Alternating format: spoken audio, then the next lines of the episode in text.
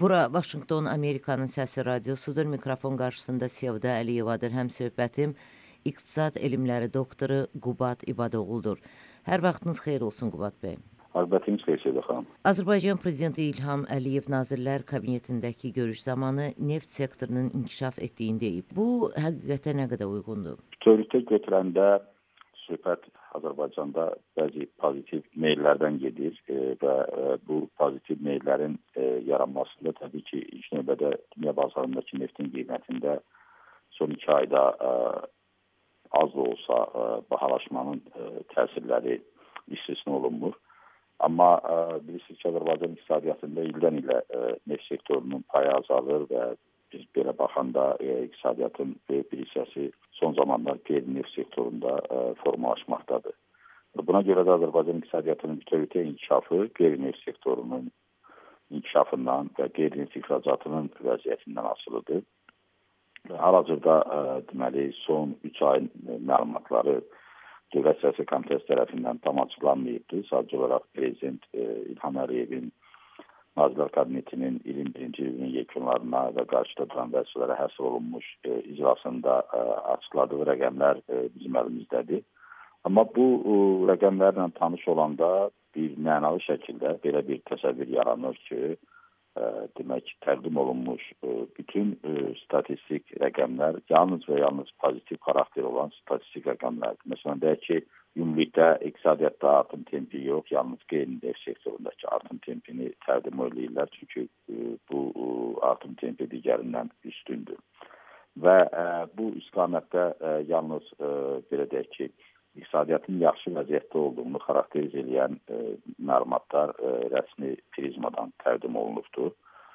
Bunlar ə, statistik məlumatlardır. Ə, bəziləri ə, gerçək E, vəziyyətlə uzlaşmır. E, həqiqətən real situasiya e, fərqlidir. Xüsusilə də iş yerləri ilə bağlı, yoxsulluqla bağlı açıqlanan rəqəmlər tamamilə mövcud görsəkliyə ziddir. Prezidentin bu ilin 3 ay ərzində 85 mindən çox iş yerinin açıldığını deməsi tənqidlərə səbəb olub. Siz nə düşünürsünüz?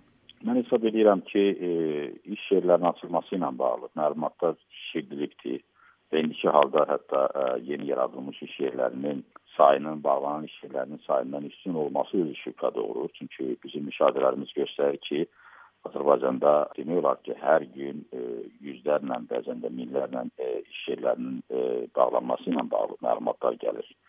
Məsələ bundan ibarətdir ki, burada e, son 3 ayda 9 min iş yerinin bağlanması statistikası açıqlanıbdır e, və iş yerlərinin bağlanması e, daha çox rəsmi statistik məlumatlara istinadən verilir, amma bilirsiniz ki, Azərbaycanda qeyri-rəsmi məşğulluq da var və iş yerləri bağlananda hətta e, qeyri-rəsmi məşğul olan insanların bu sayı bu statistikada öz əksini tapır. Amma bütövlükdə iddia eləmək ki, bu gün yeni yaradılmış iş yerlərinin içərisində 70 min daimi iş yerləri var və bu yeni yaradılmış iş yerlərinin çox hissəsi özəl sektorun payına düşür. Həqiqətən e, bu rəqəm e, ciddi şübhə doğurur. Və dövlət sektorunda da son 3 ayda 1 mindən çox yeni iş yerinin yaradılması ilə bağlı məlumatlar da təsdiq olunmur. Çünki dövlət sektorunda bilirsiniz ki, müəyyən islahatlar, struktur dəyişiklikləri e, təqdim olunur və bəzi nazirliklər ləğv olunur, digərlərindən birləşdirilir e, və bir çox e, bildiyimiz qədər bir çox nazirliklərin e, özündə daxili e, deməli iş e, sayında ixtisarlar aparılır. Bank sektoru bizim demək olar ki, iqtisadiyyatın hal-hazırda güzgüsüdür. E, hər gün biz məlumat alırıq ki, e, bankların filialları bağlanır, e, bankların şöbələri qapanır, bankların maliyyə durumu getdikcə pisləşir. Yəni belə olan halda 3 ay ərzində 85 min yeni iş yerinin yaradılması ilə bağlı məlumatlar hesab edirəm ki, statistik yalanı təzahür edir və bizim bu məlumatlar eyni zamanda özünü e, həm də ə, e, deməli e, təsdiq eləməlidir. Sosial sığorta ayırmalarında, vergi ödəmələrində təsdiq olsun ki, ə, bu qədər iş yerləri yaransa da, məsələn, sosial sığorta ayırmalarında və vergi ödəmələrində elə də ə, ciddi ə, artımdan söhbət getmir.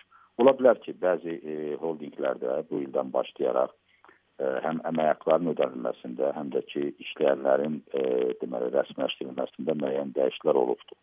Yəni həqiqətən də əvvəllər qeyri-rəsmi məşğul olan adamları indi rəsmi olaraq ə, ə, məşğul ə, kimi təqdim etmək mümkündür. Əvvəllər qeyri-rəsmi ödənilən əmək haqqının bir hissəsini indi rəsmi olaraq ə, ödəməyə başlayıblar. Əvvəllər deyək ki, ə, bir çox ə, holdinqlər ümumiyyətlə özünün iqtisadi ə, təsərrüfat fəaliyyətini vergi çotunda və digər belə ə, mühasibat çotunda tam şəkildə əks etdirmirdi, amma bizdə olan məlumata görə son zamanlar bu istiqamətdə müəyyən dəyişikliklər var. Yəni bu hakimiyyətə bağlı olan oliqarxların nəzarətində olan holdinqlərdə, iri şirkətlərdə e, indiyə qədər qeyri-rəsmi məşğul olan, indiyə qədər qeyri-rəsmi ödənilən e, bəzi vəsaitlərin leqallaşdırılması, yəni rəsmiləşdirilməsi prosesi gedir. Bu bir effekt yarada bilər, amma bu o, iqtisadiyyatda yeni bir iş yeri kimi təqdim olunmur. Onsuz da o iş yerləri mövcud idi.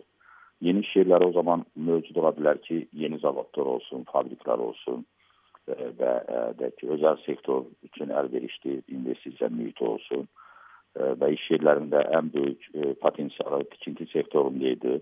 Eyni zamanda kənd təsərrüfatında idi və indiki halda kənd təsərrüfatında da yaranan iş yerlərdə müvəqqəti xarakterli iş yerlərdir. Yəni onların arasında daimi iş yerlərindən danışmağa dəymir, çünki mövsüm xarakter daşıyır. Qubad bəy, e, prezident Azərbaycanın valyuta ehtiyatlarının da artmaqda olduğunu bildirib. Sizcə Azərbaycanın maliyyə durumu və maliyyə bazarlarındakı durumu necədir? Dövlət olaraq bizim maliyyə durumumuz əgər əvvəlki illə müqayisə etsək, nisbətən yaxşılaşıbdır. Həqiqətən Mərkəzi Bankın valyuta ehtiyatları artıbdır. Eyni zamanda Dövlət Neft Fondu öz strateji ehtiyatlarını qoruyub saxlaya bilibdir. Yəni bu günləri hər ikisi birlikdə təxminən 38 e, milyard dollardan çox ehtiyatın formalaşmasına gətirib çıxarıbdır. Amma məsələ bundan ibarətdir ki, e, biz potensialımızı nəzərə alsaq və indiyə qədər əldə etdiyimiz ki, neft gəlirlərini bir daha e, ki, nəzərdən keçirsək bəlli olacaq ki, bizim Azərbaycanda neft gəlirlərinin demək olar ki, 80%-ə yaxını xərclənibdir və yerdə qalan yalnız 20% vəsaitdir. Sadəcə olaraq indiki halda biz həmin vəsaiti deməli xarici borclarla müqayisə eləmişik ki, xarici borclardan bu təxminən 5 dəfəyə yaxın çoxdur, amma əslində valyuta ehtiyatları xarici borclarla deyil, ə, müqayisə olunmalıdır və mən indiki halda da hesab edirəm ki, bizim deməli ə, ixalımız da kifayət qədər böyük məbləğlərlə ifadə olunur və istənilən halda gözləntilər də ondan ibarətdir ki, xarici borclarımız da durmadan daha sürətlə artır.